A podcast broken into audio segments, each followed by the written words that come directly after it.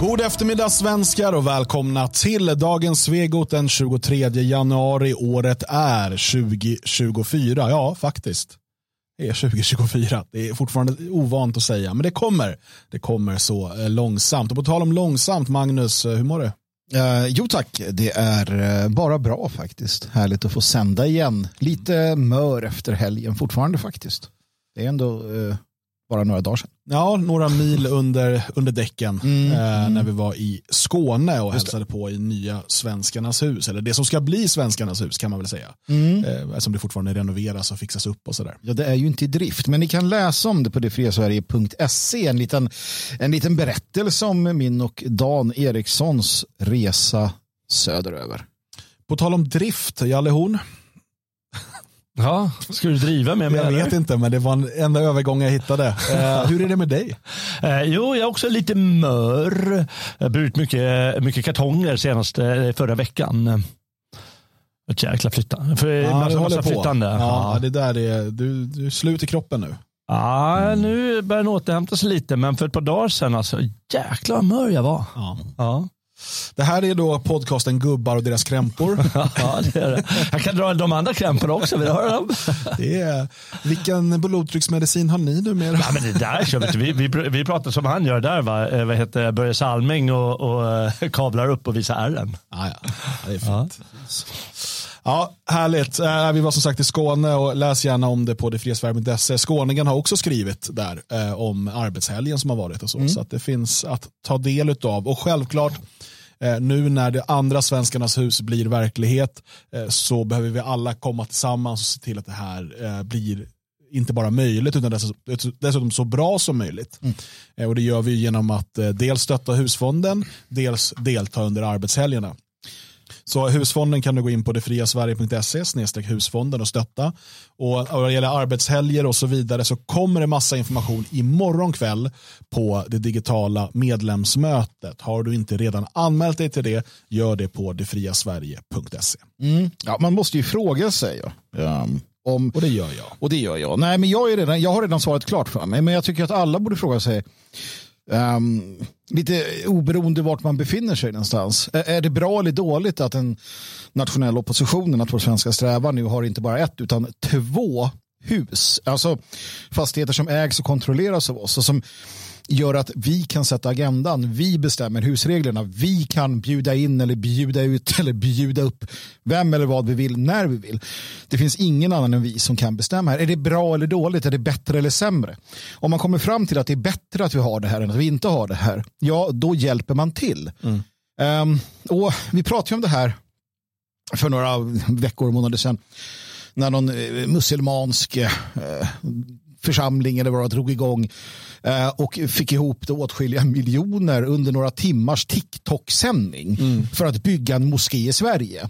Här någonstans känns det som att svenskarna behöver sluta upp för att eh, hjälpa till att förverkliga den här typen av projekt, då, det vill säga andra svenskarnas hus i Skåne. Till exempel. Va? ibland får vi ju mail från folk som kanske inte riktigt förstår eh, varför det här görs. De säger, men varför, det finns ju Folkets hus, det är väl bara att hyra. Ja. Och, och det, det, är gulligt när man är så naiv. Jag tycker kattungar och sånt är söta också. Ja. Eh, vi får alltså inte hyra offentliga lokaler. Eh, kommunägda lokaler och så vidare. De har inskrivet i sina stadgar att vi inte får hyra dem. Mm. Eh, alltså vi som nationalister i, i liksom en bred mening. Sverigedemokraterna har haft det problemet till och med när de var inne i riksdagen. Mm. Eh, nu har det liksom börjat ändras för dem. Men för resten av den nationella oppositionen så, så går det inte att hyra på samma villkor som alla andra. Och det absolut viktigaste tycker jag, det är inte bara att vi då har lokaler där vi kan ha evenemang, utan vi kan ha platser dit människor vet att de kan komma för att få eh, träffa svenska nationalister, ta del av information, handla böcker, vad det nu än är, eh, eller bara umgås. Men att det finns som, som en vårdkase verkligen, mm. där och lyser och säger att här finns det eh, alla kan liksom hitta saker på nätet och så vidare. Men om du behöver åka med åka och prata med någon eller eh, ställa frågor eller bara känna att här kan jag tala fritt, mm. då finns det sådana platser i Sverige tack vare Svenskarnas hus. Och här i Elgarås har det haft en otrolig eh, liksom, utveckling och effekt både på lokalsamhället och hela regionen och sen nationalister från hela Europa som har besökt oss. Eh, och nu kommer vi göra samma sak Eh, kanske till och med ännu bättre i Skåne. Ja, det, är, det är ju roligt det du säger. Jag måste bara ta det som, alltså vi, vi blev ju imponerade av och påverkade av, inspirerade av tyska nationalister och deras, uh, deras hus runt om. Uh, och, och något jag aldrig förstod, eller jag har fortfarande inte riktigt förstått det, det är varför de har blivit så imponerade av oss. Uh, för att de har ju de här sakerna tycker jag, men när vi har haft besök från, från bland annat Tyskland som har den här typen av fastigheter i många mindre städer så är det alltid en väldigt så här wow vad ni har gjort bra här, har ni lyckats, oj oj oj. Jag har aldrig riktigt fattat vad de liksom går igång på, men någonting rätt gör vi. Och som sagt, nu gör vi det rätt en gång till i Skåne. Just det. Så detfriasverige.se husfonden, dra ditt strå till stacken. När du nämner Tyskland då, innan vi går in på första huvudtemat, eh, så bör vi nämna att idag kom eh, domen ifrån eh, författningsdomstolen som innebär att det nationalistiska partiet, det folkvalda nationalistiska partiet Die Heimat, mm. eh, som tidigare hette NPD, som sitter i ett gäng eh, motsvarande kommunfullmäktige, har tidigare suttit i Landtag, vilket till viss del kan jämföras med eh, eh regionfullmäktige. Mm. Ehm, att de inte längre ska ha rätt till partistöd. Um, det fungerar ju så att när du blir invald, då finns det en tabell man går efter och så delas det ut pengar så att du ska kunna anställa typ en politisk sekreterare och, och kanske kunna ta lite alltså ha möjlighet att kunna arbeta och göra ett så bra jobb som möjligt i parlamentet. Eh, och det här är oavsett vilket parti det är. Mm. Fram tills nu. För nu har man beslutat att nationalister får inte ta del av partistödet. De måste fortsätta betala skatt dock. Det här har också den lilla bieffekten att de stora partierna, de gamla partierna, de eh, kommer nu få mer pengar. För summan mm. som det ska delas på är lika stor. Men färre ska ta del av den. Mm. Ja, men det, det, här är ju liberal demokrati i sitt esse. Och, och jag menar, Tyskland står ju som någonstans så står ju Tyskland som, som eh, föredöme när det kommer till vad det är liberal demokrati.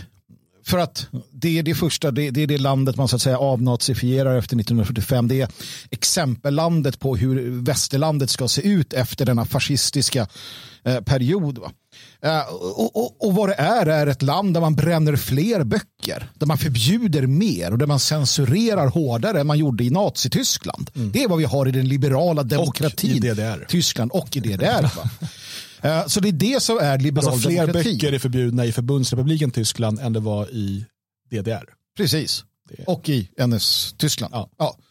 Uh, och det är det som är vad det är. Alltså att liberal demokrati är det värsta systemet, den värsta styrelseformen, det, det vedervärdigaste och mest människofientliga system som den här världen någonsin har skådats historiskt sett. Genghis khan, vad fan ta mig, en, en liberal och trevlig herre jämförelsevis med den liberala demokratin som den ser ut i Tyskland. Mm. Eh, vi ska säga också då att um, jag står för mina egna åsikter. Ja, dels det.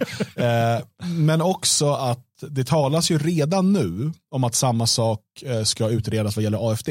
Precis.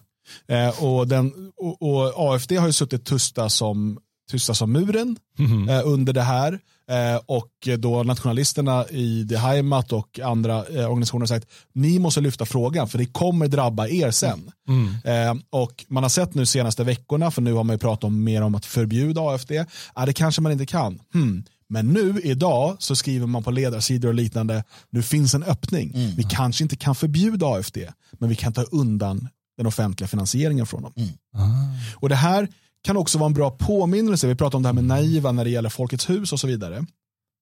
Gör dig inte beroende av statligt stöd, vare sig det är pressstöd, mediestöd, partistöd, vad det än är. Det är livsfarligt. Mm. Vi ser nu hur projekt som har gjort sig beroende av mediestöd eh, är på väg att gå i konkurs eller läggas ner eh, när reglerna ändras. Vi i det fria Sverige vi tar inte emot en krona i offentligt stöd och det är ett medvetet val. Vi är övertygade om att ni och vi tillsammans kan vara så pass solidariska med vår sak att vi kan bygga en stark och fungerande ekonomi utan att bli beroende av statens bidrag. Ja, och ärligt talat, om vi inte kan bygga ett motstånd utan att få hjälp av dem vi så att säga bekämpar ja men då har vi ju inget här att göra. Så kan inte den nationella oppositionen klara sig på egna ben, då har vi ju inte ett mandat att verka. Um, så att uh, det, det, är ju bara att, det är bara att inse det. Sen absolut som du säger, jag menar, vår vår medvetna hållning i den här frågan har också gjort att vi alltid har anpassat verksamheten ut efter det vi har. Um, och det kommer vi fortsätta med. Så att uh, nej, man ska inte tro, det är tyvärr många som gör det. Vi kanske får återkomma till det när det kommer till den här vågade koranbränningen. Men många som tror, eller kanske tror att vi på något sätt står, eller befinner oss på samma planhalva eller någonstans har samma, uh, samma ingång som jag vet, moderater mot socialdemokrater eller till och med sverigedemokrater mot centerpartister. Att vi någonstans finns där, att den nationella oppositionen finns på samma... Nej, det gör den inte. Det är helt andra regler som gäller oss. Uh, och det måste man förstå. Mm. Så låt oss uh, glida in uh, på det första ämnet som också är titelämnet för dagen och det har att göra med ett år gamla koranbränningar. Ja. Vi har inte hunnit prata om det här Nej, vi, vi, vi, kom dit nu. Vad var det som hände egentligen? Ja, ja det, är, det är det som är frågan. Vad var det som hände mm. egentligen? Eh, för att det har tisslats och tasslats och liksom hintats om att eh, det har funnits fler personer inblandade i de här koranbränningarna utanför turkiska ambassaden än vad som tidigare varit känt. Och eh, vi, Det har ju tjatats mycket i media om att det här skulle vara en rysk påverkansoperation. Att det skulle vara eh, då Chang Frick som på något sätt går Rysslands ärenden medvetet eller omedvetet. Eh, och för att han då har betalat för demonstrationstillståndet.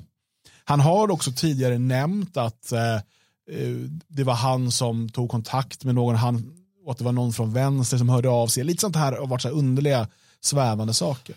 Men så i det senaste avsnittet av den podcast han är med i, Sista måltiden.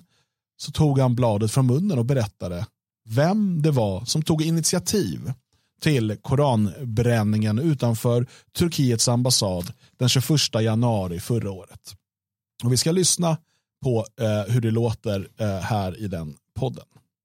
Jag har en fråga till Kajsa.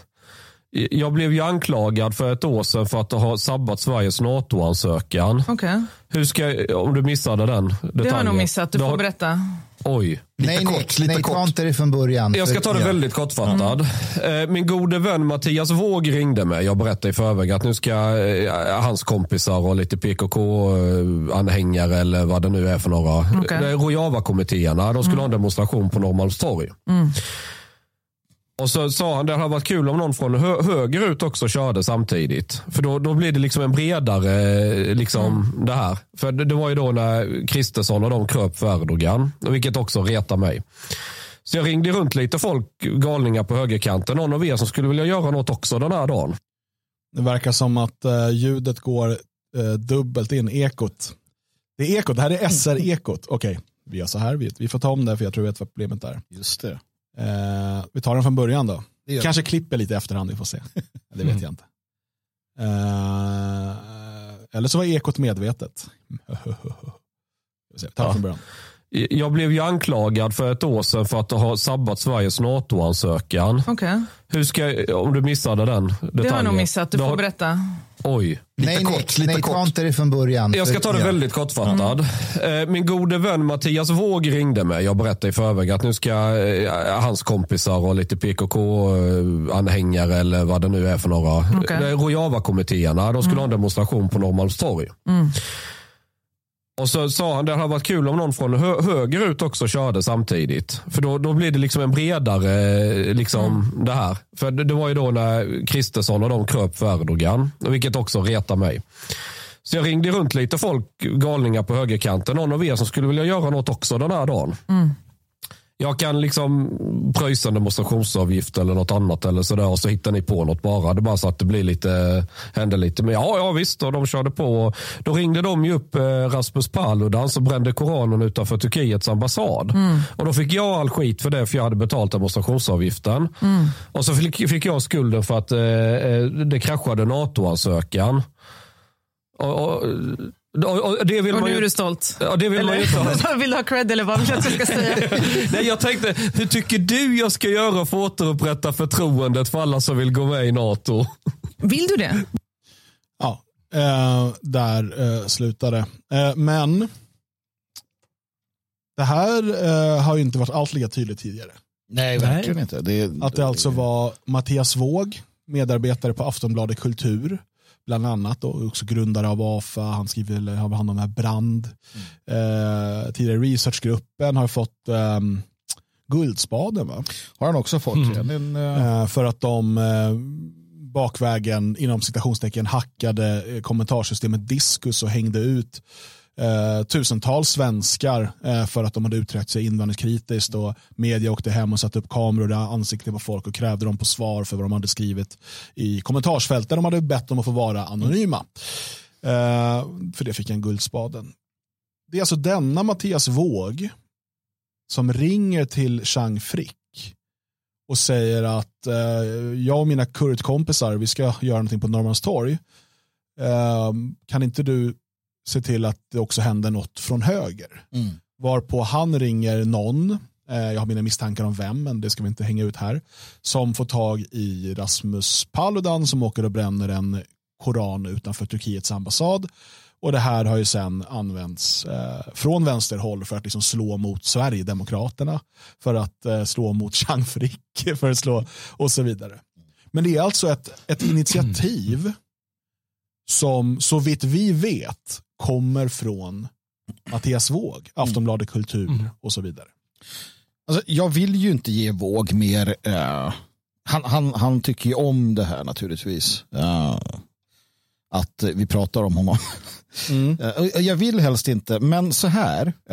Vi kan konstatera att Mattias Våg har någon form av ganska sådär spindeln i nätet betydande position för att vi ser honom internationellt. Vi ser honom i Tyskland, vi ser honom i Italien. Vi, vi vet att han är inblandad här där. Vi vet att han skriver Ibland får man nästan känslan att det han skriver på Aftonbladet Kultur är någon form av så här, ordergivning. Jag minns när han skrev ganska, ganska nära in på att uh, Extinction Rebellion och de här började bli mycket, mycket mer aktivistiska så skrev Mattias Vågen nästan appell på Aftonbladet Kultur. Han sa att nu är det dags att välja. Nu är det dags för den här miljörörelsen att antingen gå på offensiven och köra igång ordentligt eller inte helgen efter så gör de precis det. Och vi vet ju hur man arbetar med folkfronter och med alltså, olika initiativ och projekt och bostadsrättsföreningar hit och dit som sen blir aktivistgrupper. Jag tror det, att du menar hyresgästföreningar. Hyresgästföreningar, precis. Ja, de andra. Bostadsrättsföreningar, det är bara massa moderater. ja, det är bara moderaterna, de har inga aktivistgrupper. Nej, och, och, det är den känslan man kan få ibland. Vi ska väl kanske konspirera lite mer senare. Men det, det som är anmärkningsvärt här, det är ju att han ringer till Chang Frick och säger åt honom att eh, liksom eh, fylka, fylka högen nu och ställ till med någonting. Högen inom citationstecken, för jag vet inte den där Rasmus Paludan. Ja, men jag tror att med högen här menas ju eh, någon typ av, för, för man tänker var finns det NATO-kritik? Mm. Ja, det finns ju i någon typ av nationalistkretsar mm. och vänsterkretsar. Mm. mm. Eh, inom liksom, den breda mitten, inom den liksom, liberaler, konservativa och så vidare har det funnits en eh, vilja eh, att gå med i NATO. Mm. Ehm, så att det är ju dit man då, ehm, man då vänder sig. Och jag såg att det var någon som skrev i chatten här att liksom orsakssammanbandet är långt ifrån Mattias Våg. Det tycker jag inte. Så han har inte, kanske inte bestämt exakt vad som ska hända. Jean Frick har inte sagt exakt vad som sades i det här samtalet. Nej. Men han ringer alltså för att samordna mm. och se till att de som enligt honom själv liksom är hans politiska dödsfiender. Mm, mm. Alltså de grupper som han har varit drivande i eh, många våldsamma attacker emot. Mm. Att de den här dagen också ska göra någonting. Mm. Mm. Det, det, är, det är ganska häpnadsväckande egentligen. För att eh, han har ju stått på gatorna och skrikit inga nazister på våra gator mm. till samma personer som han sen försöker organisera att gå ut på gatorna. Ja, det, det finns ju några möjligheter. Antingen eh, så har han någon bakom sig som knuffar till honom. Mm. Eh, som vissa tror, jaha, liksom det är ryska troll som ligger bakom eller det är, eh, det, det är underrättelsetjänster. Eller, eller så är han aktivist själv och det spelar egentligen ingen roll för honom i grund och botten var han politiskt står mm. eller vilka han politiskt samarbetar med. Bara det blir förstörelse. Precis, för det, det är ju eh, den mindre eh, konspirationsteoretiska förklaringen till mm. det här. Mm. Är ju att eh, han vill ha eh, maximal effekt för NATO-motstånd och för att hindra då. För att eh, om jag inte minns fel, och jag kan ha fel, men jag, jag är ganska säker på att den här PKK-grejen han pratar om, eller Rojava-kommittén, att det har att göra med den här upphängda Erdogan-dockan. Precis, det var de som gjorde mm. det. Och eh, att då idén är att göra så mycket som möjligt för att Turkiet ska hata Sverige. Ja, och inte vilja släppa in Sverige i NATO.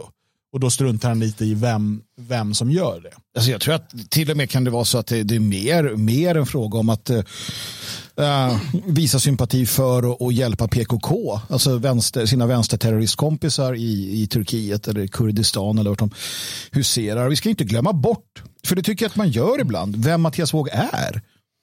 Alltså han, han är en revolutionär eh, socialist, eh, marxist, kommunist. Jag vet inte riktigt vilken, vilken liksom, vilket epitet som passar bäst. Men han, han är ju för våld som medel och metod. Mm. Han säger att han har lagt det bakom sig. Men ja, det får väl, man får väl tycka, tycka vad man vill om det. Va? Men, men Um, han, han har ju en, en, en, lång, uh, en lång historia av att vara högst, i allra högsta grad delaktig i detta. Uh, och han påbörjade den resan tillsammans med sin uh, vän Mattias Martin, nej, Martin Fredriksson. Mm. Um, för många, många år sedan i samband med någon form av idé om en attack mot en McDonalds där man skulle använda brandbomb Just det. det och Martin Fredriksson som sen då erkände att han hade jobbat för Säkerhetspolisen mm. och delgett dem information. Exakt vilken information är, är oklart, men han har varit betald därifrån. Och eh, då har ju då den här autonoma vänstern åtminstone officiellt brutit med Fredriksson mm. som istället har kunnat ha satt sig helhjärtat på sitt företag tillsammans med Robert Aschberg. Mm. Robert Aschberg som under denna tid eh, var eh, styrelseordförande tror jag i eh, stiftelsen Expo eh, eh, och är fortfarande starkt kopplad till Expo. Mm. Så du har de här kopplingarna liksom mellan säkerhetstjänsten, Expo, mm. AFA och kanske koranbränningarna. Ja, alltså uppenbarligen. I vems intresse låg de här koranbränningarna? Vi måste ju mm. fråga oss det. För att eh, Paludan, det var eh, utanför Turkiets ambassad, det var en. Sen kommer den här uh, Salvan Monica, Momika, eller vad han nu hette, mm.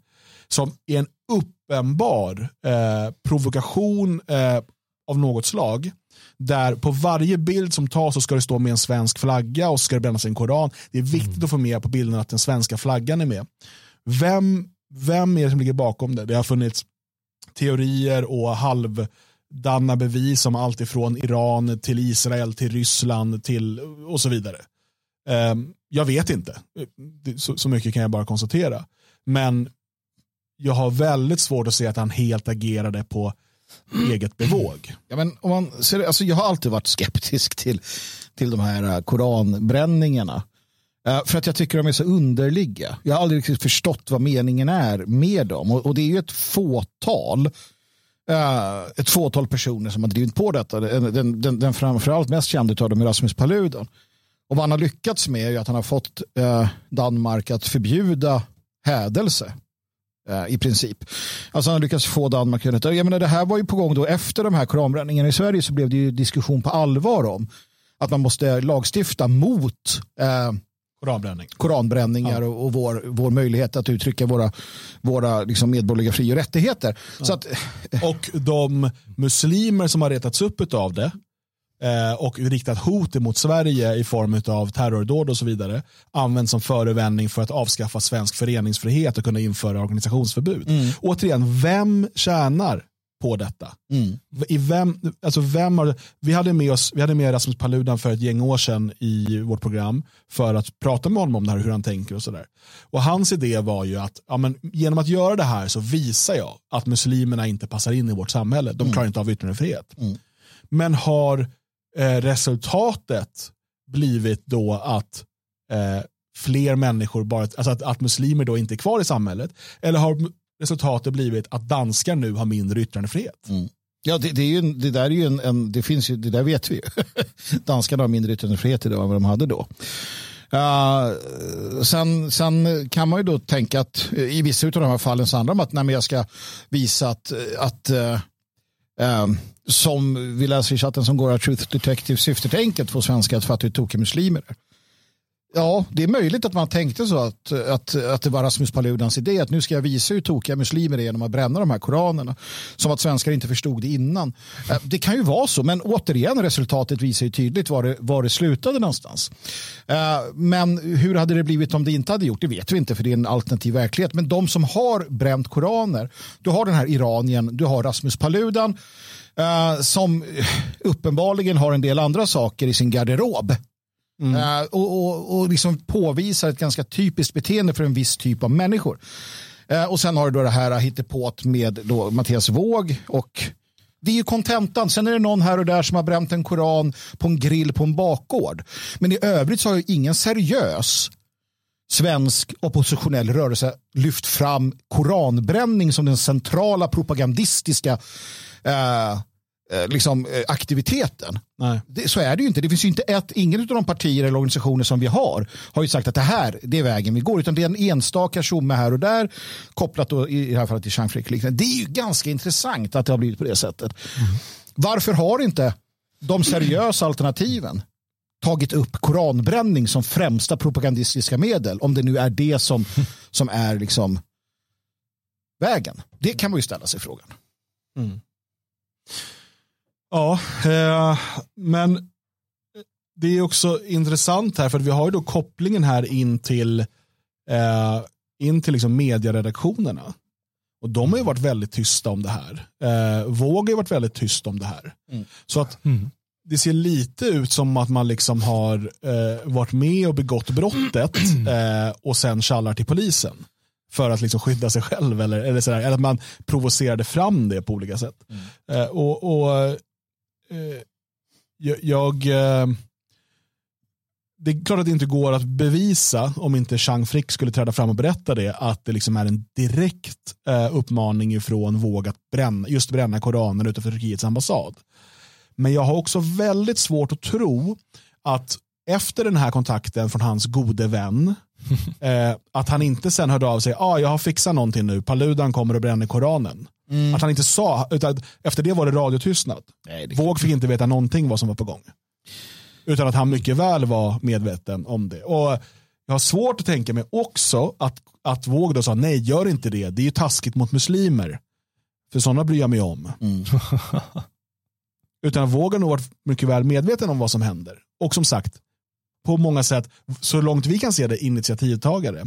Men vi vet ju inte vem som ger Våg idéerna, om det finns någon eh, mer där bakom. Nej, jag, vi har men... kopplingen, Fredriksson, Säpo, mm. eh, och vi vet att eh, liksom, våga kommit undan en massa, underlig, massa åtal och misstankar och så vidare mm. på ett sätt som borde få de flesta att höja på ögonbrynen. Eh, hur eh, när han står och domderar nere i Hamburg, liksom, när journalister attackeras, hur eh, svensk media och eh, svensk polis och tysk polis de struntar i det där. Mm. Nej, men det, det, och det är ju fascinerande ändå att, att, att man har givit honom så pass mycket uh, fri. Det är nästan så att det känns ibland som att han byggs upp internt. Att det finns en sån medveten vilja under 20 år plus att, att, att, att en person ska liksom hamna någonstans i en, i en i en struktur för att kunna användas vid ett senare tillfälle. Uppenbarligen så har i alla fall hans goda vän och parhäst Fredriksson. Han har varit informatör. Han var informatör hos Säkerhetspolisen under många, många år. Kanske sedan den där, uh, den där ödesdigra dagen på McDonalds. Att sen dess så, så insåg han att okej, okay, antingen gör jag det här eller så kommer jag få trassel. Men var båda de med under den? Jag kommer inte exakt ihåg hur, hur det gick till om jag ska vara helt ärlig. Det finns information. Jag, jag vill tro det, men, men eh, det, med, med, med eh, brasklappen att jag kan ha fel i den frågan. Annars kan man ställa till det för sig på andra sätt så att Säkerhetspolisen blir inkopplad. Och kan man inte hantera det så kan det gå som det går. Jag menar, det finns en massa, en massa sådana här uh, frågeställningar. Jag menar, vi hade ju då vi hade Göteborgskravallerna, vi hade eh, vi hade hur man slog till under operation Eskil då man utraderade eh, revolutionära fronten efter att inte ha kunnat göra någonting mot dem på flera år så bara från en dag till en annan så bestämde man sig. Helt plötsligt visste man allt då från polisens sida och kunde bara ta bort dem. Det är saker som händer i de här rörelserna. Och jag menar, tar du kopplingen då, en annan koppling där blir intressant. Du har ju Aftonbladet eh, och du har ju de här, eh, jag menar, titta på en sån som, som eh, alltså hela, hela Aftonbladets kultursida är ju liksom en, en det är en, det är en propagandacentral för socialdemokratin och för ibland går man ännu längre åt vänster. Uh, och, och, massmedia är ju inte ett dugg, gammelmedia är ju inte ett dugg liksom, uh, de har ju inte problem med detta. Till exempel då att den här Suhonen som har pratat om att han ska skjuta Kalashnikov i uh, den socialistiska revolutionen om den kommer har program på, på SVT etc. etc. Så det finns ju den här, och så Aschberg som du var inne på. Så det här är en röra av människor som har funnits aktiva sedan 80-talet. Mm. Uh, och, och, jag vet att den här typen av underligheter, det, det visste vi redan om på 90-talet. Uh, med så här kriminella uh, systemets olika, du hade liksom journalister, du hade ja, och vissa nationella som, som har tyckt att det är en bra idé att, att fraternisera med fienden inom citationstecken. Mm. Högst ja, nej, det är ju när det liksom eh, ja, vi har ju varit tydliga med det. Liksom, vi har ju folk, eller har haft folk som liksom sitter och har vänskapliga kontakter med Expo, mm. eller Expo-medarbetare. Det, det, är inte, det är inte okej. Okay. Mm. Eh, och, och, det är sånt som gör att man måste avbryta. Eh, liksom, för det, det, man behöver inte ha dålig, dålig eh, eh, vad säger man, en, alltså en, en, en ond idé med det, dåliga avsikter. Utan man kanske tror att man kan tjäna på det. Ge det inte ut i de där träskmarkerna. Nej, sannerligen inte. Sannerligen inte. Uh, Okej, okay. eh, låt oss uh, gå vidare till uh, Cirkus Kristdemokraterna. Vi ska mm. börja med Kristdemokraterna och så ska vi glida över i SVT och Henrik Jönsson. Mm. De här hänger ju nämligen ihop. Mm. för att vi fick först um, information om att Sara Skyttedal ändå inte skulle få vara åtminstone högst upp eller överhuvudtaget på eh, valsedeln till Europaparlamentet för Kristdemokraterna. Mm. Det här är ju en soppa som, alltså kommer ni ihåg den här underliga polisanmälan mot eh, partisekreteraren Ingerö? Ja, det var ju det. Han hade, vad hade han gjort? Var, var det något sexuellt ja. eller? Ja, på Halv. någon fest så ska de ha lagt sig i samma säng. Ja, just det. De gick och la sig i samma säng. Och ja. sen ska hon ha vaknat av att han höll om henne eller något i den stilen. Ah, ja, eh, och där kom hon på flera år senare. Mm. Eh, när det inte mm. ens var, och det här är det fulaste tycker jag med den typen, när det är preskriberat. Mm. Så det inte ens går att få en juridisk prövning av det. Nej, det. Eh, och han blev av med sitt jobb och så vidare. Mm. Och I, ehm, I samband med detta gjorde hon ju också en del drogliberala uttalanden, Skyttedal. Mm. Eh, och någonstans där gick vi gränsen för partiet som mm. sa, så petade henne från eh, toppen på valsedeln. Hon sitter ju nu i Europaparlamentet för KD. Mm. och sen var det det som kallas då för partifullmäktige. Och då hade de nominerat, eh, nomineringskommittén hade föreslagit David Lega som första namn. Mm. Men partiet gick emot eh, nomineringskommitténs förslag och satte in Sara Skyttedal som första namn ändå. Mm. Och det här var i eh, november eh, förra året tror jag att det var. Och så nu kom då nyheten om att nej, Skyttedal försvinner från listan eh, för att hon har då betett sig illojalt. Och det här illojala ska ha varit att hon ska ha tagit kontakt med Sverigedemokraterna under mm. tiden hon var petad från den här listan innan hon hade valts in då igen. Mm. Eh, och erbjudit sig, hon har väl inte uttalat sig än exakt tror jag, Nej. men det som man har fått förstått är att hon har velat ställa upp för Sverigedemokraterna. Mm. Eh, hon vill vara högst på deras lista. Mm. hon gillar verkligen att vara i Bryssel, det är en sak som är säker. Ja, eh, mycket möjligt. Kanske hon och hennes mulattbarn smälter in bättre där. Mm, kan vara så. men, men eh, och då ska Sverigedemokraterna ha kontaktat eh, Kristdemokraterna har berättat om det här. Eh, och nu så eh, är hon borta från listan och istället så på första plats då kommer en person som fram till samma dag inte var medlem i partiet, eh, nämligen, Alice Teodorescu Måwe. Mm. Eh, hon blir då partimedlem samma dag som, hon, som det här offentliggörs. Och det har ju i sin tur skapat en del upprörda känslor i partiet som tycker att vi har massor av människor som har jobbat väldigt mm. hårt för det här partiet som skulle kunna få chansen att representera oss i Bryssel. Eh, men istället så blir det Ebbas eh, festkompis. Eh, ja, ungefär så är väl kritiken. Ja. Mm. Ja, och inte så har de väl egentligen heller som sagt de blir medlem i partiet. Man kan ju tycka att, att du ska ha en representant som verkligen står upp för och har länge burit de, de kristdemokratiska värderingarna och så vidare. Men å andra sidan det är rätt mycket bullshit. Det är politik. Det är klart mm. att de utifrån något perspektiv tar in vilken jävla kändis som helst som de tänker kan attrahera sina väljare och, och eh, Alice Teodorescu kan ju definitivt, tror jag, eh, attrahera en hel del, eller en del i alla fall, väljare för KDs räkning. Om det räcker vet jag inte. Eh, nej, om det räcker det är sant. Eh, men de har, de har uppenbara problem och det är ju uppenbart att, att det är därför de använder, de gör det här draget. De skulle ju aldrig ta in någon som du säger när det är så många som konkurrerar om platsen och blir så pass besvikna mm. om, om det inte behövs. Och det behövs ju. Det är bara att titta på, är det någon är det någon eh, minister från KD som syns? Mm. Eh, och då menar jag, betonar jag framför allt Ebba Busch själv. Men hon märks aldrig av. Hon existerar inte i svensk politik. Eh, de har ju gigantiska problem där. Det här partiet, och det är ju i grund och botten meningslöst partiet. Mm. Eh, får man säga. Det finns ju ingen kristen tradition eh, på samma sätt som det finns i Italien eller Tyskland eller andra länder mm. i Sverige som fungerar i politiken. Så det, det, det, är meningslöst från början och det är fortfarande meningslöst och de syns inte. Och sen så har de dessutom Sara Skyttedal i mina ögon har visat sig det här senaste året vara en ganska labil mm. figur. Mm. Och jag tror de är väldigt glada att eh, hon eh, faktiskt har gjort de här grejerna eller att laborerats ut på det här sättet. Mm. För det är mm. ganska svårt att ha en sån oberäknelig människa. Titta på hennes V-klädsel där liksom. Mm. Och sen så får de den här lite mer välpolerade, eh, behagligare personen eh, Alice Teodorescu som, som gör sig ganska bra i text i alla fall, någorlunda i tv. Hon har ju lite svårt när hon blir trängd. Hon kommer ofta eh, hon, hon, resonerar ju ganska förnuftigt och eh, ärligt. Eh, mm. Och då är det ganska svårt mot så här eh, mer slängda debattörer som är mer aggressiva och, och, mm. och på. Men, men hon gör sig ganska bra Eh, Eh, för förnuftiga människor. Och då, då är det klart att slänga in henne, men jag tycker att det är jag har alltid tyckt det är knasigt det här. Ja, men nu, nu blir jag socialdemokrat. Ja, men nu blir jag, nu blir jag KD. Eh, nu blir jag... Det är ju bara några år sedan hon alltså satt, hade ansvar för att utveckla Moderaternas strategidokument. Ja, det också, ja. Precis. Nej, men... Det, men det säger kanske ganska mycket om svensk politik också. Att, och kanske politiken i, i hela den här så kallade demokratiska världen. Att den har blivit mer, alltså, de är mer som myndighetspersoner som samtidigt syns utåt. Eller hur man ska, det är liksom någonting som har eh, slagits ihop där.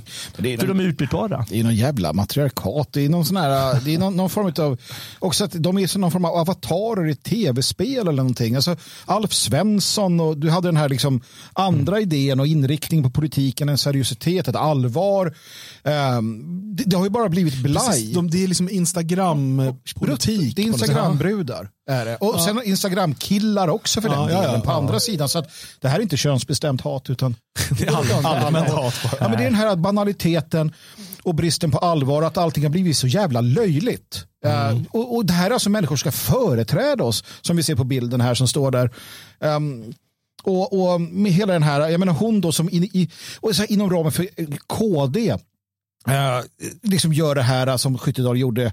Uh, och, och, jag menar Alice då som bara för ja, ganska nyligen tyckte surrogatmödraskap liknande. Vart är den här, vart är, vart är pastorn? Ja. Kristdemokrater, mm. kom igen nu. Som ja. du säger att de hade kanske till och med kunnat ha en, en, en, en roll att fylla i, i, i Sverige. Men tittar du på dagens ledarsidor, de undrar ju också vad fan är det som händer med deras parti? Mm. Livets ordgänget är så här, Hallå, först drar han och blir katolik, och, alltså vår gamla grundare och ledare. Och sen KD som liksom horar ut sig. Ja. Nej, nu får det vara nog. Eh, de är väldigt klantiga måste jag säga, KD på det här sättet. För nu när de ändå kommit eh, de senaste, vad det, sen Alf Svensson lite senare, men någon gång på 90-talet där, då de har haft legat omkring 4 procent.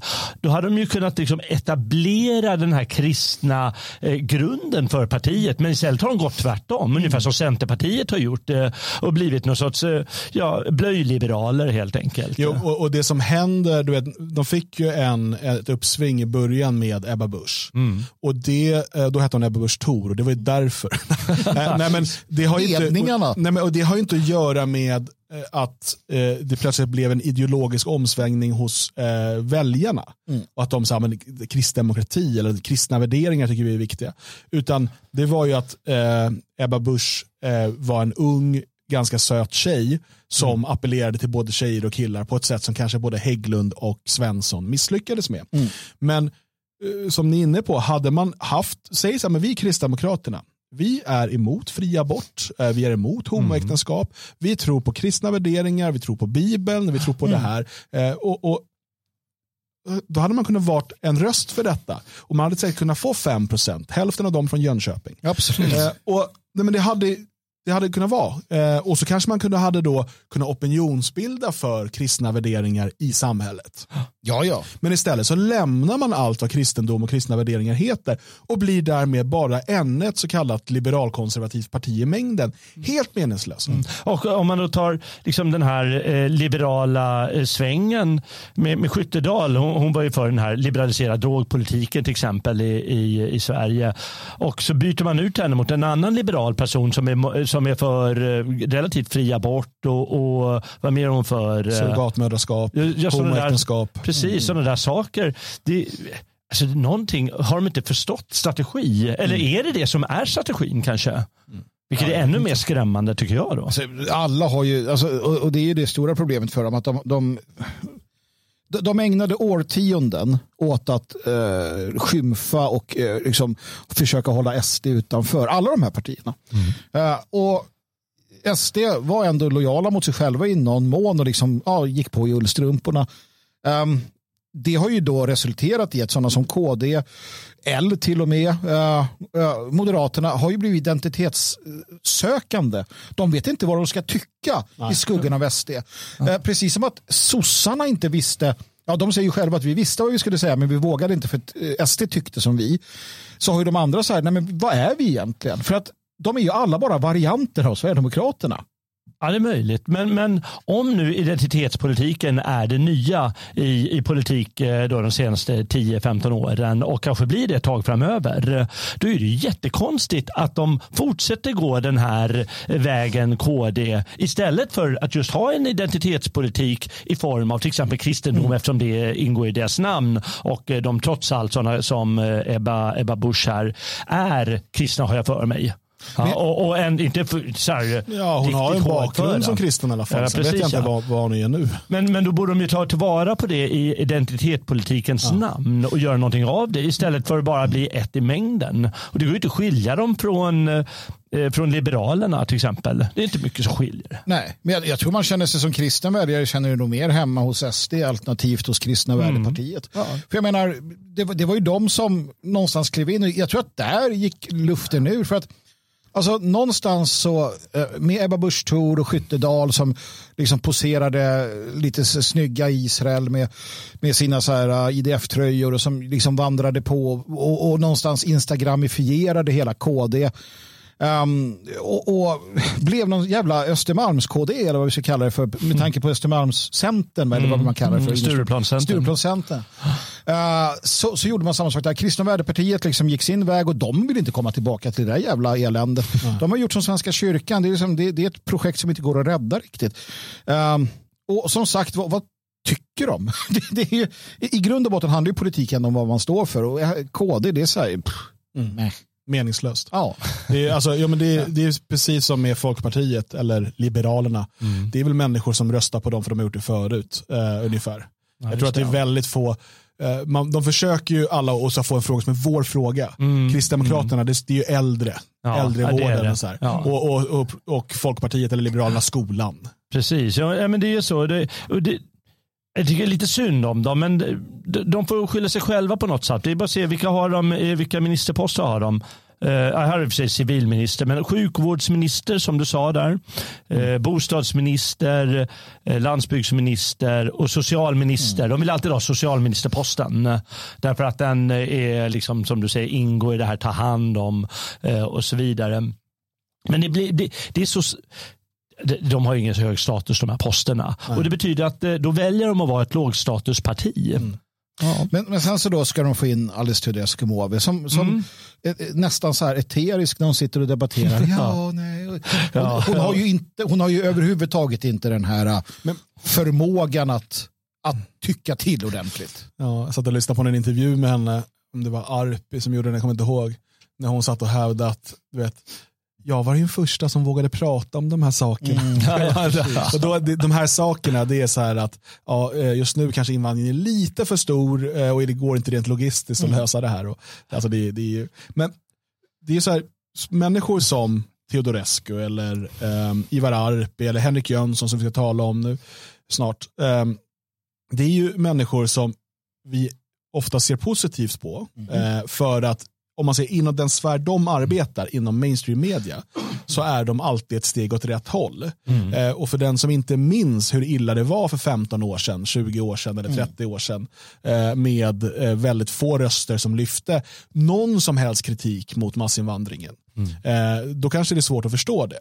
Men då har de kommit in där och liksom lyckats på ett sätt kapitalisera på det, men jag tror också att de har varit ganska ärliga, åtminstone Teodorescu och Arpi, i att de tycker att det här är, det är ett problem.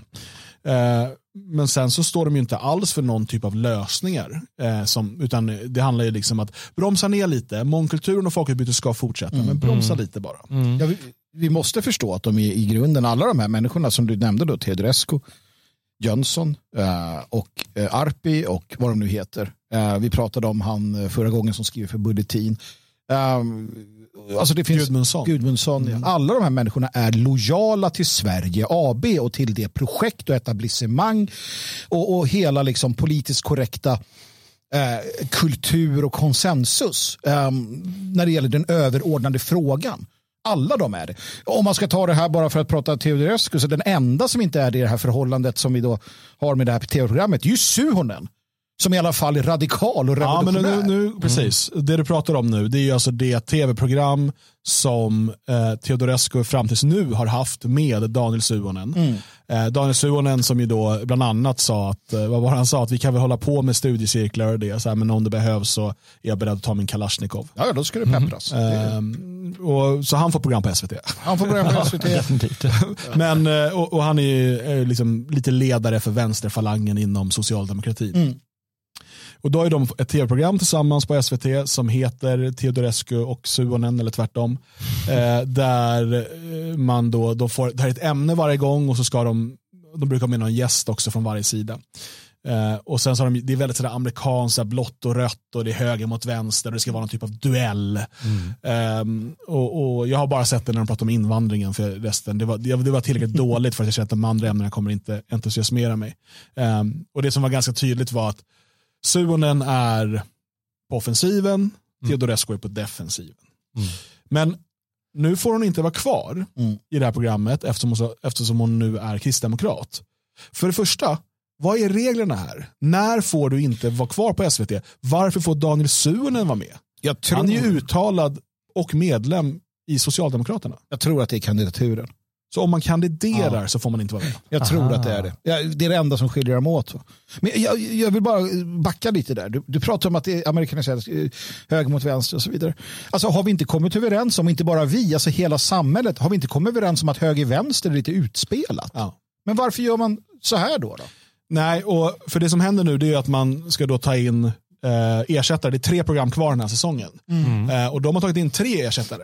Alltså det blir en för varje program. Mm. Och då har vi Tove Livendal, vi har PM Nilsson, vet, ålfiskan. och sen då Henrik Jönsson. Eh, och de här ska då eh, vara Suhonens motsats någonstans. Och som du säger, ja kanske på en höger-vänster-skala. Kanske vad det gäller deras syn på fri marknad, skatt, eh, statligt ägande mm. och så vidare. Men allt fler är väl som du säger överens om att höger-vänster är ganska förlegat. För att debatten idag, man pratar gal galtan, man pratar globalism kontra nationalism och så vidare. Men den konfliktlinjen verkar inte finnas hos SVT. Utan konfliktlinjen är arvsskatt eller inte arvsskatt. Mm. Eh, jag tycker eh, problemet med Sverige överlag eh, och kanske problemet för Teodorescu nu också, eller kanske inte, det är ju att det ska ju alltid polariseras. Det viktigaste är striden, inte innehållet. Eh, väldigt sällan de diskuterar på djupet sakfrågor på ett intressant sätt eh, i svensk television. Folk som har sett på fransk tv brukar säga att ja, men de är mycket bättre på det där. Tyskan också måste man säga. Ja, tyskan också måste man säga. Eh, det, är inte så att jag ser på fransk tv, men, men folk brukar säga det i alla fall. Och det är väl för att de har förmågan och intresset att gå in på djupet i frågor på ett helt annat sätt. Eh, nu, eh, det här med sonen och, eh, och hon, det blir ju det blir en väldigt jobbig clash kan jag tänka mig. För hon är, det, det, måste jag berömma henne för och jag hoppas att hon kan ta in det i politiken här. Att hon är faktiskt ganska ärlig och, och förnuftig i sitt resonerande. Hon vet när hon stöter på patrull, nej men här kan jag inte gå längre åt det här hållet av det ena eller andra skälet. Allt medan en sån som Sunen, han, han går ju över lik för att bara föra sin talan. Mm. Och det spelar ingen roll vad han säger. Bara han får dra fram Kalashnikov så att säga i, i debatten. Och så är lite svensk politik och har varit länge. Jag tycker det är överlag så det ser man i alla de här partiledardebatterna. Är ju fruktansvärt att se på. Och då kanske ta in något positivt i politiken. Men jag tror att kanske hade gjort sig bättre med pennan istället. Mm. Och man, nu då har man då bytt ut henne i tv-programmet mm. mot P. Nilsson, Tove Livendal och Henrik Jönsson. Jag antar att de får ett program var. Mm. Eh, och nu försöker man ju här lansera Henrik Jönsson som ett kontroversiellt namn. Mm. Som en radikal eh, liksom åsikts eh, eller opinionsbildare. Och en del från vänster har också reagerat så. Hur kan ni ha med honom? Han är ju, han är ju superradikal. Eh, ja, alltså, Lilla Drevet har ju gått att det har varit ganska fler av de här som har så här påpekat detta. Och det, det är ju helt, det är helt absurt för att Henrik Jönsson är väl enligt ja, min alltså, mening inte... Här är då från SVTs egen artikel. De intervjuar sin, det är så himla kläggigt där. Mm. SVT intervjuar SVT med kritik mot SVT. Ja. Eh, och då skriver man, hur tänker ni kring valet av Henrik Jönsson som av många uppfattas som kontroversiell? Många, jag vet inte. Ja. Ja. Och då svarar Mikael Kutschera, eh, säger, vi vet att Henrik Jönsson har ett högt konfrontativt tonläge. Men vi tycker att en sådan person ska få höras i SVT även om han exempelvis är väldigt kritisk mot public service. Alltså, är det det? Han, han, är ju, han, han är ju duktig på att snacka och är inte Men, rädd. Det är det de då ser som kan någon hjälpa mig med det här konfrontativa? Jag har aldrig sett honom som konfrontativ. Det lilla jag har sett av honom. Men, men det är uppenbart här hur man vill bygga upp en persona. Ja, ja, och mm. hur man gör det här för att SVT sen ska kunna säga kolla vilken bredd av röster vi låter komma till tals. Den här radikala, kontroversiella mm. killen som till och med tycker illa om public service, mm. han får vara med i ett program. Uh, han har gjort med i debattprogram på SVT tidigare ska sägas. Han skriver också för Svenska Dagbladet. Han är stående gäst i Kvartals veckopanelen. Det är inte så att han på något sätt är liksom fringe, att han befinner sig ute i liksom internets träskmarker och ingen har talas om alltså, Statsministern kommer till honom. Precis, han har en YouTube talkshow där mm statsministern kommer på besök. Mm. Så pass kontroversiell är han. Alltså, han gör, ja, och, och, och, nej, men det uppenbarligen är att man vill lansera honom där eh, på något sätt. Alltså, det känns lite som när man slängde in Jean Frick i det här programmet. Och kolla, vi har Jean Frick med på SVT. Ja. Så att den här uh, Sverigevänliga oppositionen ska säga, ja men han är bra, titta nu får vi ännu mer. Egentligen så får vi ju ingenting. Den svenska oppositionen får ju ingenting i sammanhanget. För att Henrik Jönsson, det var ju bara några år sedan, han ja, men, hånade... Vänta, vänta, vänta. vänta. Jag tycker att vi kan ta del av Kristoffer Dullnys eh, faktiskt eh, scoop eller expos exposit av detta. Ja. För vem är Henrik Jönsson? Ja, det är en bra eh, det, finns, det finns kanske till och med, eh, det som lyssnar här, som har stöttat hans verksamhet. Mm. Eh, och då skulle ni ha kollat upp honom innan tycker jag. Mm.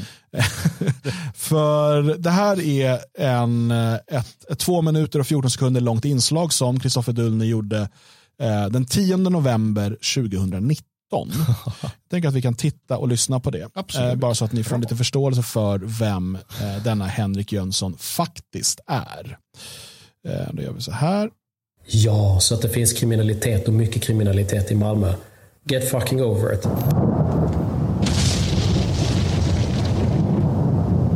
Henrik Jönsson, känd från Youtube, blev viral för ett par månader sedan när han lovade att flytta från Malmö på grund av kriminaliteten. Jag tänker inte visa klippet här på grund av att han troligen kommer flagga mig, men det finns i alla fall länkat nedan.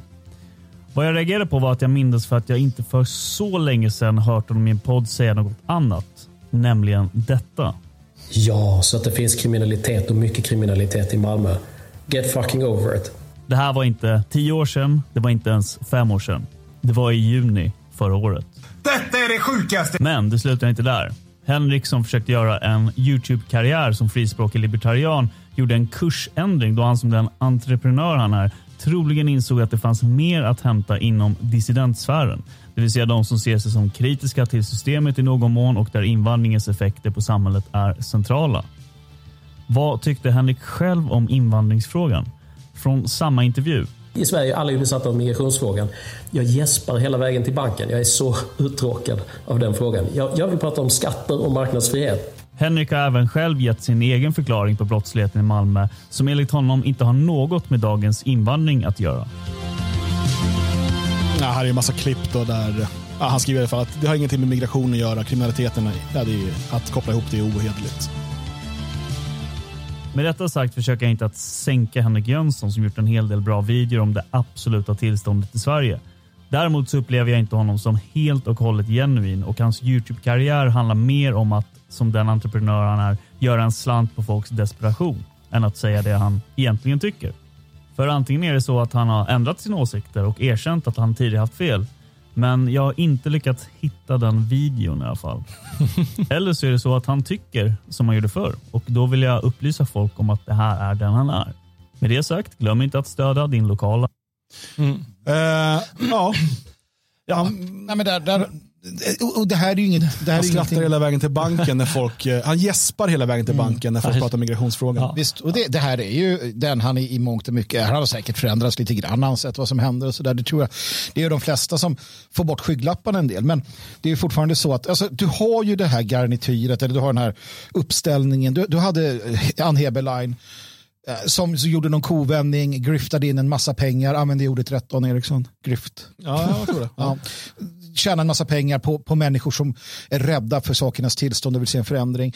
Och sen så, sen så förnedrar hon och pissar på dem och återvände efter en session till etablissemanget. Du har visade bilden på, på eh, han uh, han dök upp här i klippet. Uh, som jobbade tidigare på SVT och sen så gjorde någon resa, började åka runt och göra uh, Lamotte heter han, som också liksom ursprungligen tillhörde det här kotteriet. Du har så många som gör detta. Uh, och, och, och, vi säger som vi brukar att det är jättebra för att de når ut till en massa människor. Men problemet är att en massa människor litar på dem och ser dem som någon form av sanningsägare och kanske till och med uh, ledare värda att följa. Uh, mm. när vi pratar om den svenska oppositionen. Och det är livsfarligt för Henrik Jönsson han står närmast sig själv och han gäspar hela vägen till banken för att ta ut de pengar som en massa Sverigevänner ger till honom för att få lyssna på någon form av avslöjande liksom reportage eller liknande analyser. Hans analyser bottnar ju inte i eh, att han egentligen har koll på vad som har hänt de senaste 40, 50, 60, 100 åren utan helt andra. Nej, men alltså, mm. man kan, måste, Henrik Jönsson är duktig på det han gör. Han är mm. duktig på att sammanställa, eh, liksom, duktig videoredigering. Alltså, han är duktig på att göra slagkraftiga filmer. Det ska man inte ta ifrån honom. Mm. Eh, och Det finns eh, bra eh, alltså, filmer där som är bra att dela till sina vänner. Absolut. Det, det, är inte det som är poängen här. Poängen är att SVT försöker lyfta fram honom som att han vore någon typ av eh, kontroversiell röst. Mm. Mm. När, ja, han kanske är kontroversiell på Aftonbladet. Mm. Alltså för att, han, för att han vill ha minimala skatter och en liten stat. Men han är också väldigt tydlig med att han vill ha egentligen fri invandring så mm. länge vi tar bort staten. För att det är bara att han vill inte betala för det. Mm. Mm. Han skiter i om Sverige arabiseras eller afrikaniseras. Det är honom skitsamma. Eh, så länge eh, han kan köpa sig fri. Det, det, skulle ju kunna vara så att han har eh, ändrat åsikt eh, från eh, den här videon som han körde där, som du visar nu av Abdulni för några år sedan. Fem år sedan verkligen. Men man, man får inte glömma och tänka det som ni båda har, har sagt här att till, det, det, är nästan som den här eh, som SVT vill lansera. Det är nästan som att han har gjort det själv. Mm. Han är oerhört, eh, varit, he, hela tiden under sin YouTube-karriär har han varit väldigt karriärmedveten. Mm. Hela tiden, vad är jag ska sälja? Vilken produkt ska jag sälja? Hur ska jag lyfta fram det? Han har ju själv gjort om hur man gör retorik ja, och visar det på rätt sätt. Man använder kroppsspråk och, och eh, grimasering och bakgrunder och allting för att få fram det så mycket som möjligt. Och som du säger förut tyckte han det, men nu är det här som gäller. Ja, men det här kan jag tjäna bättre på. Jag kan lansera mig är mycket bättre här nu. Och så har han det är ganska spikrak karriär. Jag måste ju säga att han är, han är ju supersmart som vet hur han ska slå sig in i den här sfären. Och det är ju några år nu, som han, ett par, sedan ett par år som han har fått vara med där i Fokus eller Kvartal eller vilka det nu är och, och andra poddprogram och, och, och nu ska han få komma in på tv. Mm. Ja, men han, ja, det går ju spikrakt. Mm, ja, han, han har ju varit duktig för att han också till skillnad från många av våra kamrater som, som har Eh, och, och, vi själva till del som, som uh, har vettiga saker att säga så säger vi ju uh, sanningen uh, på ett sätt som gör att vi inte får vara med på YouTube. Uh, han vet vilken sida han ska hålla Vadå, sig på. Det här är bara vår fjärde YouTube-kanal. Mm. Ja, precis. Senaste fem åren. Han vet, att, han vet att det här pratar jag inte om för då kommer Dineros in, reklamen, vad det nu kan tänkas vara. Uh, han och många andra. Och, och, som du säger, han är en skicklig affärsman. Men jag kan ju också konstatera att förstår man inte ras så förstår man ingenting. Det här är ett grundläggande lackmustest som jag kommer upprepa tills jag dör.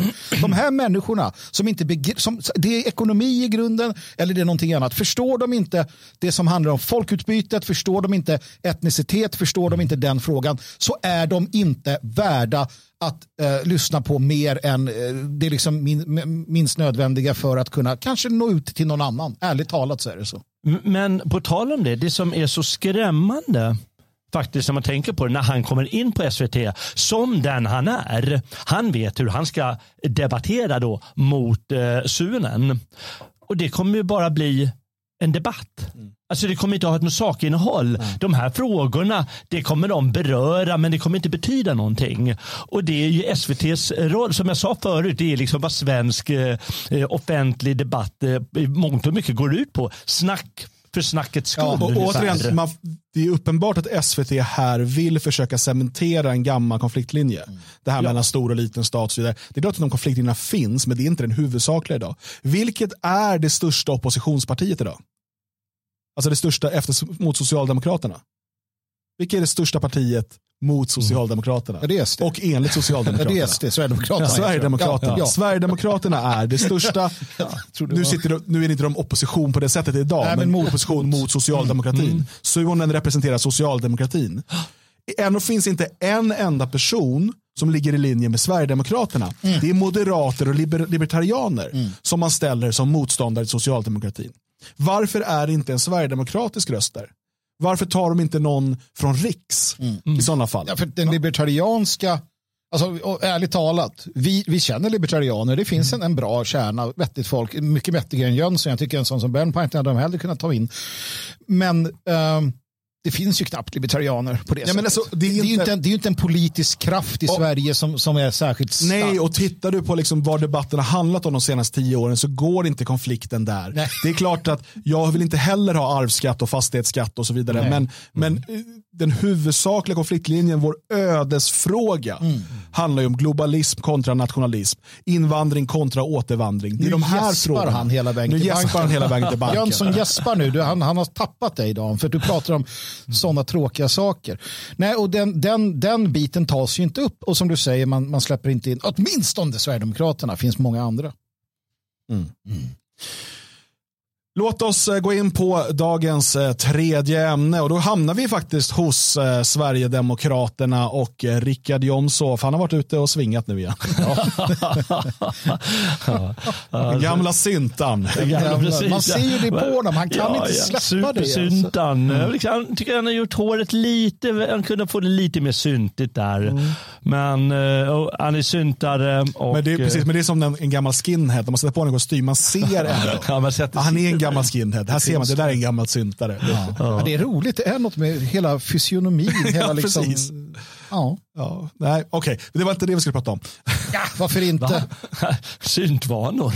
Hur gammal är han? Han måste ju varit Josef. Sprang han på Kolingen och sådär tror jag? Eller när han kommer ja, från...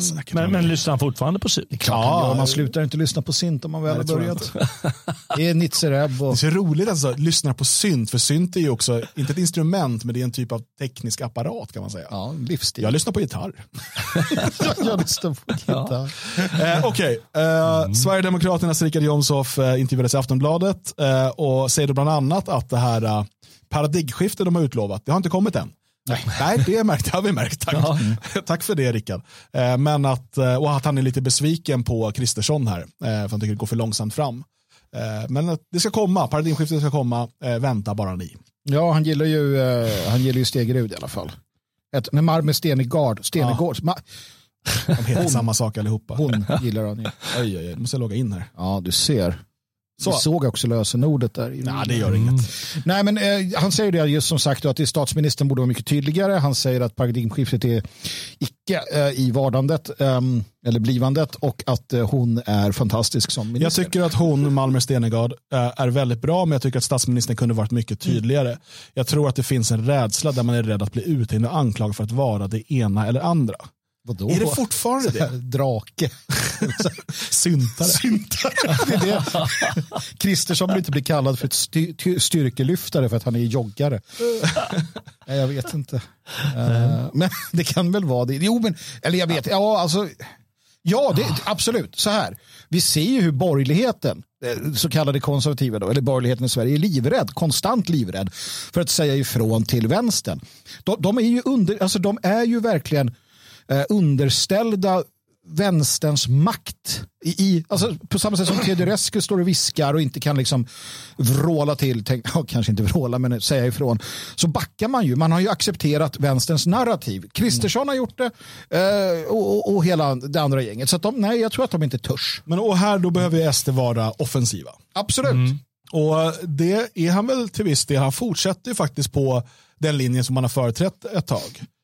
Eh, bland annat så säger man så här, eh, angående det här med att man skulle riva moskéer och det. Eh, så är det så här, men SD står fast och Richard Jomshof säger att moskéer för honom är symboler för en religion som inte kan jämkas med det svenska samhällets värderingar och normer citat, islam är i grund och botten en väldigt främmande och imperialistisk mm. ideologi. Vi har ju stundtals haft en ganska blodig historia om man tittar på Europa med religionskrig och liknande. Men vi har gått igenom en lång rad förändringsprocesser, kanske framförallt reformationen och upplysningen, som har gjort att religionen är en privatsak. Islam har en annan syn på det här, islam omfamnar allt, islam har inte gått igenom någon upplysning. Det finns inte ett enda, vill jag påstå, fungerande muslimskt land idag. Slutcitat. Mm. Mm. Och uh, där, det som sen har blivit mest omtalat. Ja. Um, jag läser hela det här stycket, vad, vad hon säger. Um, frågan då från Aftonbladet. Religioner är beroende av sina lokaler för att de ska kunna utövas. Hur ser du på det? Eh, jag säger inte att det inte ska finnas moskéer, men det är ju vissa av de här uttrycksformerna som jag tycker är problematiska. Hade det varit en politisk rörelse som hade etablerat sig i Sverige på kort tid på det sättet vi ser idag, då hade nog folk reagerat annorlunda. Människor i Sverige tror att man måste acceptera precis allt för att vi har religionsfrihet. Men vi har politisk frihet. Innebär det att vi måste acceptera precis allt? Nej, det måste vi inte. Religionsfriheten är bara en av många friheter. Den sekulära lagstiftningen står faktiskt över. Fråga. Den sekulära lagstiftningen har ju inskränkningar, exempelvis i yttrandefriheten där hakkors inte får bäras offentligt. Vill du ha en liknande begränsning för de symboler för islam som ni har pekat på? Ja, absolut. Det är klart att inte minst minareter, halvmånen, är en symbol som representerar det som islam står för. För många människor, även för mig, så representerar det någonting väldigt farligt. Någonting väldigt dåligt. En liknande inskränkning är definitivt en möjlig väg framåt. Exakt hur det ska se ut får man diskutera. Jag säger inte att nazism och islam är exakt samma sak, men vi pratar ju om själva uttrycket. För mig är slöjan ett islamistiskt attribut och jag vet att många människor, inte minst ex-muslimer och kvinnor, ser på det på samma sätt. Nu vet jag inte hur stort problemet är att folk släpar runt på minareter. Nej, jag skojar ju bara det. Jag förstår ju mycket väl vad han menar. Men jag vet inte heller hur, hur pass stort det är inom islam att du bär symboler för religionen. Kristna gillar ju att ha sådana kors och nazister gillar ja, sina hakkors. Ja, det är slöjan mm. i sådana fall. Ja, och eh, det... vissa traditionella kläder. Precis. Den här klänningen som grabbarna går runt i. Och lite mössor och sånt ja, där. De lite, det är lite olika beroende på ja. vilket region och vilken, vilken del av islam mm. och sådär. Så, ja. så frågan är ju då, vad är det egentligen han, han vill med det här uttalandet? För det är ju egentligen inte att, att göra, alltså det, det är ju en fråga som han svarar på. Han pratar det här får i sådana fall en utredning titta på. Utan han vill ju mm. någonting med det här och det är ju det som kanske är intressant. Okej, okay. innan vi eh, går in på era utläggningar så, så kan det faktiskt vara så enkelt att han bara vill synas. Det som eh, KD har kommit mm. fram till förut är förbannat dåliga på nu för tiden. Eh, och han går ut med samma sak med jämna mellanrum. Mm. Och han är lika skicklig som Henrik Jönsson. För Aftonbladet och de andra drakarna, de griper ju direkt om de får chansen med det här att förbjuda eh, halvmånar. Men då får man inte titta på himlen ungefär. Nej, så de griper det och lyfter fram den frågan. Och det kan ju vara så att man, man kastar ut så här bollar med jämna mellanrum. Det gör ju alla inom mm. politiken. Ja, så, sen är det ju så att han behöver ju, eller Sverigedemokraterna ser ju, det går ju bra. Det går ju bra i opinionen. Uh, nu var man uppe på 22 procent ungefär uh, och, och, och, och, sparkar liksom sparkar neråt ordentligt. Um, så att de behöver ju skilja ut sig från Tidöpartierna. Tidöpartierna har ju sina problem och sossarna håller på med sitt och det är liksom ett, ett jävla härjande där.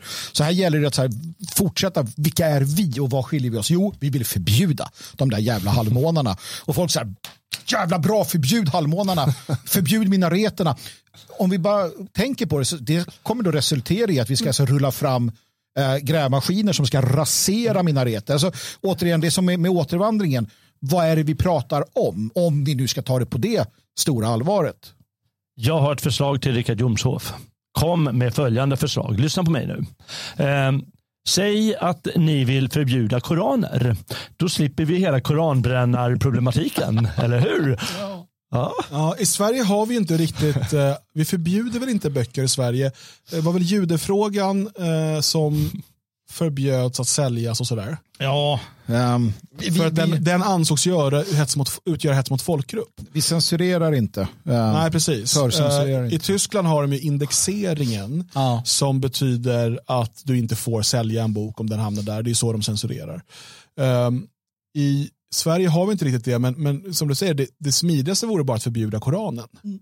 Problemet är att en lagstiftning som kan förbjuda Koranen ja, öppnar ju upp för en hel del andra problem. Ja, det, det, var faktiskt sagt Nej, jag fattar det. Jag fattar det. Men, men det här ligger ju, om man tänker på vad Jomshof faktiskt pratar om och vad vi har hört ifrån Sverigedemokraterna. Eh, vi måste komma ihåg att Jomshof är ju ateist eh, och själv då, så han är inte så att han uttalar från ett kristet perspektiv här eller så att den ena religionen är bättre än den andra. Han tycker inte om någon religion alls, det har han varit väldigt tydlig med. Eh, men han ser islam som ett, ett hot mot, eh, mot Sverige. Och eh, jag, jag, det jag funderar på det är hur skulle man kunna lagstifta så att man förbjuder just muslimska symboler ur en ateistisk synvinkel. För det hade varit lätt ifall Jomshof och Sverigedemokraterna var ett väldigt kristet parti som sa att kristendomen ska vara Sveriges religion och eh, alla andra religioner ska vara förbjudna eller extrema uttryck för dem eller något i den stilen. Men här, om man ska fortsätta ha vad han säger då, en sekulär lagstiftning, alltså en lagstiftning som inte tar religiös ställning, då måste ju alla religioner behandlas lika. Mm. Och därmed måste man då säga att okej, okay, vi förbjuder um, alla religiösa symboler i offentligheten. Då skulle kristna inte få bära kors. Då skulle eh, ska man då förbjuda, eh, förbjuda kristna att eh, stå och sälja eh, tidningar eller dela ut mm. biblar eller vad de nu gör för någonting. Eh, var, var går liksom gränsen? Jag undrar om det här verkligen är det effektiva sättet. För jag antar att det han vill uppnå är att göra det oattraktivt för muslimer i allmänhet och islamister i synnerhet, alltså radikala mm. muslimer i synnerhet, gör det oattraktivt för dem att vara i Sverige, att komma till Sverige eller att vara kvar i Sverige. Men om det här, om det här, han tänker att det här är det effektivaste sättet, den här typen av förbud, eller om det bara är prat om förbud som ska vara poängen. Men hur ska det sen omsättas i praktiken? Jag, jag, jag har så svårt att se att man ska kunna göra det med sekulär lagstiftning. En återvandringsplan går att göra med en sekulär lagstiftning. För den har helt andra grunder. Det är ju inte det som är, meningen är ju inte att genomföra detta. Det tror jag inte. Framförallt så länge vi har en kung som måste vara protestant enligt lag så är det jävligt svårt. Eh, utan, utan det som du säger, eh, ett sätt att försöka säkerligen då eh, förmå skrämma upp eller hindra eller få muslimer att känna att de inte är välkomna. Å andra sidan, vi har ju svaret på din fråga. Vad hjälper de här förbuden? Inte ett skit.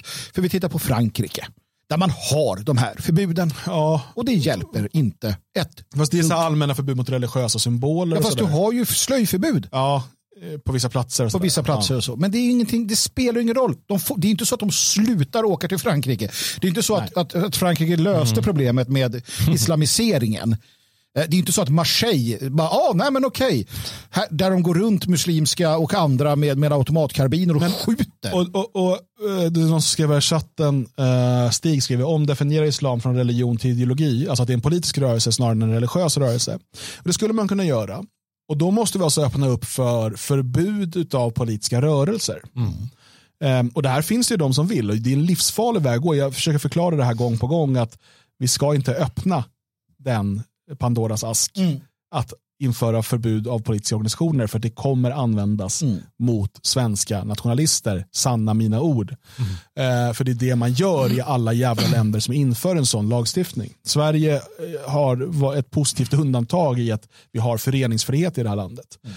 Så om man börjar man förbjuda ideologier, börjar man förbjuda partier, då är man jäkligt illa ute. Och vi ska inte behöva offra vår föreningsfrihet och vår yttrandefrihet för att kunna hålla muslimer i schack. Man behöver vara väldigt tydlig. Det som behövs är återvandring. Mm. Alla som inte kan eller vill bli en del av den svenska gemenskapen, de ska återvandra. Mm. Så enkelt är det. De icke-svenskar som, som blir kvar eller av någon anledning flyttar hit i framtiden, de måste acceptera att Sverige är svenskarnas land. De måste anpassa sig. De kan inte ställa några krav på att vi ska anpassa oss efter dem. Det, det är så superenkelt. Egentligen påminner det mycket om den lagstiftning vi hade innan 1975 när mm. Palme och kompani beslutade att Sverige skulle bli en mångkultur. Vi hade en assimileringspolitik som gjorde det eh, väldigt oattraktivt att komma hit om man inte eh, ville bli en del av Sverige. Mm. Sen luckrades den upp under hela 60-talet och liksom blev mindre och mindre verksam eh, och slog sönder totalt 75 med den socialdemokratiska förstörelsen av Sverige. Men vi, eh, vi kan göra det, det, det är den typen av lagstiftning som behövs. En grundlag som tydligt definierar att Sverige är svenskarnas land och så vidare. Men att börja liksom eh, avskaffa föreningsfrihet, avskaffa religionsfrihet, avskaffa yttrandefrihet för att genomföra det här, då eh, du skapar bara nya problem för dig själv. Den, den liberala demokratin kräver Eh, nu är vi tillbaka där. Den liberala demokratin kräver att man hela tiden släcker bränder. För det är det enda sätt som de kan upprätthålla sitt tyranni. Och det ser vi i Tyskland och det ser vi i Frankrike och vi kommer se det i Sverige. Man förbjuder någon liten sak här, en liten sak där, inskränkning där, lite mer övervakning där. Hela tiden reaktiva. Eh, är det rätt användande av ordet? Det är det säkert. Mm. Att hela, hela tiden så, så, så, så liksom reagerar man på sönderfallet av det system man själv har byggt upp. För det är så man upprätthåller sin egen makt. Det är därför de kommer fortsätta så här. Det är därför förr eller senare så blir det ett slöjförbud. Eller det blir ett förbud mot någonting annat. Det var som när man förbjöd hakkors. Att, ja, men nu är det här förbjud det, så förbjuder vi det. Och sen bränner vi den boken och sen tar vi den. Och sen bara hittar man på allt eftersom. För att de har ju ingen sammanhängande idé. Den liberala demokratin är ju inte en sammanhängande idé om hur vi ska styra liksom, eh, över tid bygga ett bra land. Utan det handlar ju bara om att de här människorna, till del inklusive Jomshof själv, ska kunna ha kvar makten. Ja, men för du, om du ska kunna införa partiförbud och ideologiförbud och vad du kallar det för, eh, då måste du definiera vad är det man inte får göra. Och Då kan det vara att du får inte hota eh, de, den svenska demokratins grundvalar, våra värderingar om jämlikhet och jämställdhet och homorättigheter och abort eller vad man nu vill ha. För abort ska in i grundlagen vill man ju nu. Mm. Du får inte hota grundlagen. Det är så här man talar i Tyskland. I Tyskland har du ju det att om du är ett hot mot författningen, mm. Mm. Om, du vill, om du vill förändra författningen, om du vill, sådär, då, då kan man förbjudas. Om du är ett hot mot de här grundläggande värdena då. Och det är det man använder för att förbjuda vänsterorganisationer, muslimska organisationer och nationalistiska organisationer. För det är också en jäkla gummiparagraf. MPD, eller som de heter, det Heimat som vi började med att prata om, som nu inte längre får partistöd och som redan är beslutat att de ska förbjudas om de blir större. De är demokrater. De har tydligt definierat i sitt partiprogram att de är demokrater. Att de tror på demokrati, allmän rösträtt, allt det här man måste tro på i Tyskland. Men författningsdomstolen säger bara Ja, det är vad ni skriver ja. Men mm. vi vet vad ni egentligen tycker. För kolla här vad en av era företrädare skrev på Twitter. Och man kan tolka det så här. Och han är kompis med den killen som sa si och så och så. Och så spelar det ingen roll vad som står i partiprogrammet. För eh, då får politiska kommissarier besluta om vem som får existera eller inte. Och att öppna upp för den lagstiftningen i Sverige ett, löser inte problemet med islamiseringen eller, eller folkutbytet. Två, skapar en jäkla massa nya problem. Så att, att börja liksom förbjuda fler symboler, förbjuda böcker, förbjuda åsikter. Det är helt fel väg att gå. Internera, deportera, repatriera, starta återvandringen. Det är det som är lösningen. Och ju längre ni väntar på att genomföra den lösningen, desto blodigare och svårare kommer den bli. Och det vill ingen vettig människa. Nej, och det är ju därför vi alla måste unisont ställa oss bakom just de kraven. Framförallt Sverigedemokraterna. Sverigedemokraterna är känsliga för vad den breda liksom, nationella oppositionen tycker och tänker. De är det. För att eh, vi såg hur man då till exempel fick det här med återvandringen att ta fäste. Uh, för några år sedan. Det, det, det liksom man började, vi började prata om det som, som utomparlamentarisk opposition, uh, alternativmedia, AFS med flera. Alla började prata återvandring. Sen började SD också göra det. De är väldigt känsliga för vad den här stora och allt större delen av eh, svenska oppositionella säger, tycker och tänker i frågan. Därför måste vi på alla plattformar i alla, i alla tillfällen prata om återvandringen, återvandringen återvandringen och peka på exempel som eh, Indien, eller nej, inte Indien, Pakistan, Pakistan jag var som, ja, som ja. arrangerade återvandring till exempel. Vi måste peka på Finland som, som tar bort biståndet. Men alltså helt ärligt, efter måste... att, eh, eh, efter att eh, Tyskland förlorar andra världskriget, mm. man fördrev miljontals tyskar från eh, liksom hem där deras familjer har bott i hundratals, i vissa längre mer än tusen år. Mm. Det var ingen som gnällde om att återvandring får man inte göra. Mm. Nej, för då har bestämt att det här ska inte längre vara tyskarnas land. Mm. Trots deras liksom, historiska rätt till det och så vidare. Mm. Och, eh, så att, det är klart att det går att förflytta människor om man vill. De har ju kunnat flytta hit och det är klart att de kan flytta tillbaka. Sen måste det ske eh, under ordnade former och så vidare. Men det måste finnas en politisk vilja till att börja med. Här är det ju som att man inte vill lösa problemen, man vill bara skapa nya problem för man är liksom rädd för att ta tag i sakerna på allvar. Mm. Absolut, så, så är det. Mm. Uh, och det är ju inte det som Jomshof då kommer fram utan det är den här mellanmjölks... I det här fallet är det talat en mellanmjölks... Uh, ganska, ganska sur ja, men alltså, Det är klart att det, det, här är också sån här, det här är en radikal åsikt uh, jämfört med vad sjuklöven står för. Mm. Eh, självklart. Men är det en radikal åsikt som pekar mot en lösning? ja, men den, den är ju relativt uddlös. För, för som du säger, men det går ju inte att genomföra. Mm. Det, det, det, det, ligger inte i det lagspannet vi har. Då måste man göra tusen ändringar i lagar och grundlagar och alltihop. Ja, men det kommer ju inte gå. Och det vet han säkert. Ja, och det är därför lite som ett sätt att synas. Ja. Men lite uddlöst då. Stig skriver, efter att Algeriet vunnit inbördeskriget sparkade de ut alla fransmän. Kolla Haiti, ja, hur man fördrev. Titta Israel. Ja, titta Israel. Det finns hur många eh, som helst. Nu är inte alla de här så lyckade. Nej, det kanske inte är det schysstaste sättet. Men, men återigen, va, så, så, så tycker jag att alla de här förbuden då, de här pratar om, alltså SD öppnar upp för förbud och Alltså hur vi kränker personlig integritet och, och hela den biten. För att man på något sätt säger att man motverkar islamiseringen. Så det, det, det, blir fel. Utan det vi alltid ska säga att nej, vill du motverka islamiseringen då gör vi, svenskarnas, då gör vi Sverige till svenskarnas land och vi gör, vi gör de här sakerna. Vi flyttar på eh, den här miljonen muslimer eh, som nu får statsbidrag. Säg det åtminstone då. Nej, vi ska dra in alla bidrag. Alla bidrag till alla främlingar. Mm. Mm. Det kan du göra politiskt. Du kan, kan, du, du kan strypa göra. bidragen till alla. Det hjälper inte för de får mycket pengar från andra länder. kan man stoppa också om man vill.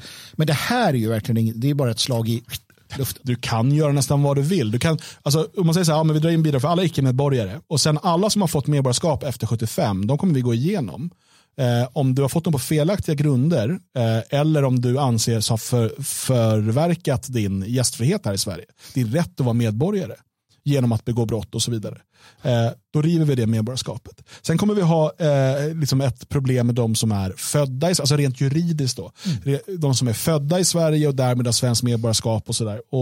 Jag säger bara att det problemet, det får, det får liksom lösas då och se om de människorna, är de beredda att anpassa sig till ett svenskt Sverige? Om inte så kommer de att flytta härifrån, även om de behåller passet. Ja, har vi hunnit med tre ämnen idag och lite till? Det har vi faktiskt. Lite strössel på. Ja, precis. Har vi hört något om eh, Turkiet har röstat in oss i NATO ännu eller inte? Nej, men eh, Orban har bjudit eh, hem, höll på att säga, Kristersson. Kom ner till Ungern så ska vi, ska vi förhandla sånt. Ja, och eh, Sverigedemokraterna sa att det finns Kommer ingen de äta langos? Ja, jag tror inte att han åker dit. Va?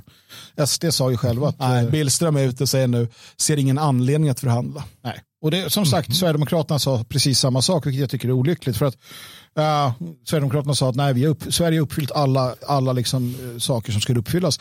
Det är inte sant. Alltså, nu har de anammat det här att nej, men vi fortsätter att vara, vara så här uh, taskiga mot ett land och sen blir vi arga när de sen, inte schyssta Ungern säger så här, eller Orban skriver ett brev då till eh, statsministern. Jag bjuder in dig till Ungern så snart du har möjlighet för att utbyta åsikter inom alla områden, inklusive våra komplexa bilaterala relationer och vårt framtida samarbete inom ramen för säkerhet och försvar som allierade och partner. Och då säger Ulf Kristersson, fuck you Ungern. eh, och eh, bra, hoppas vi, jag vill inte att vi ska gå med i NATO. Eh, hoppas Ungern aldrig röstar in Sverige i NATO. Eh, och sen kan ju Kristersson sitta där och suga på Billströms tumme. Mm. Mm. Precis, som sagt, vi får se vad det blir av det där. vi lär återkomma.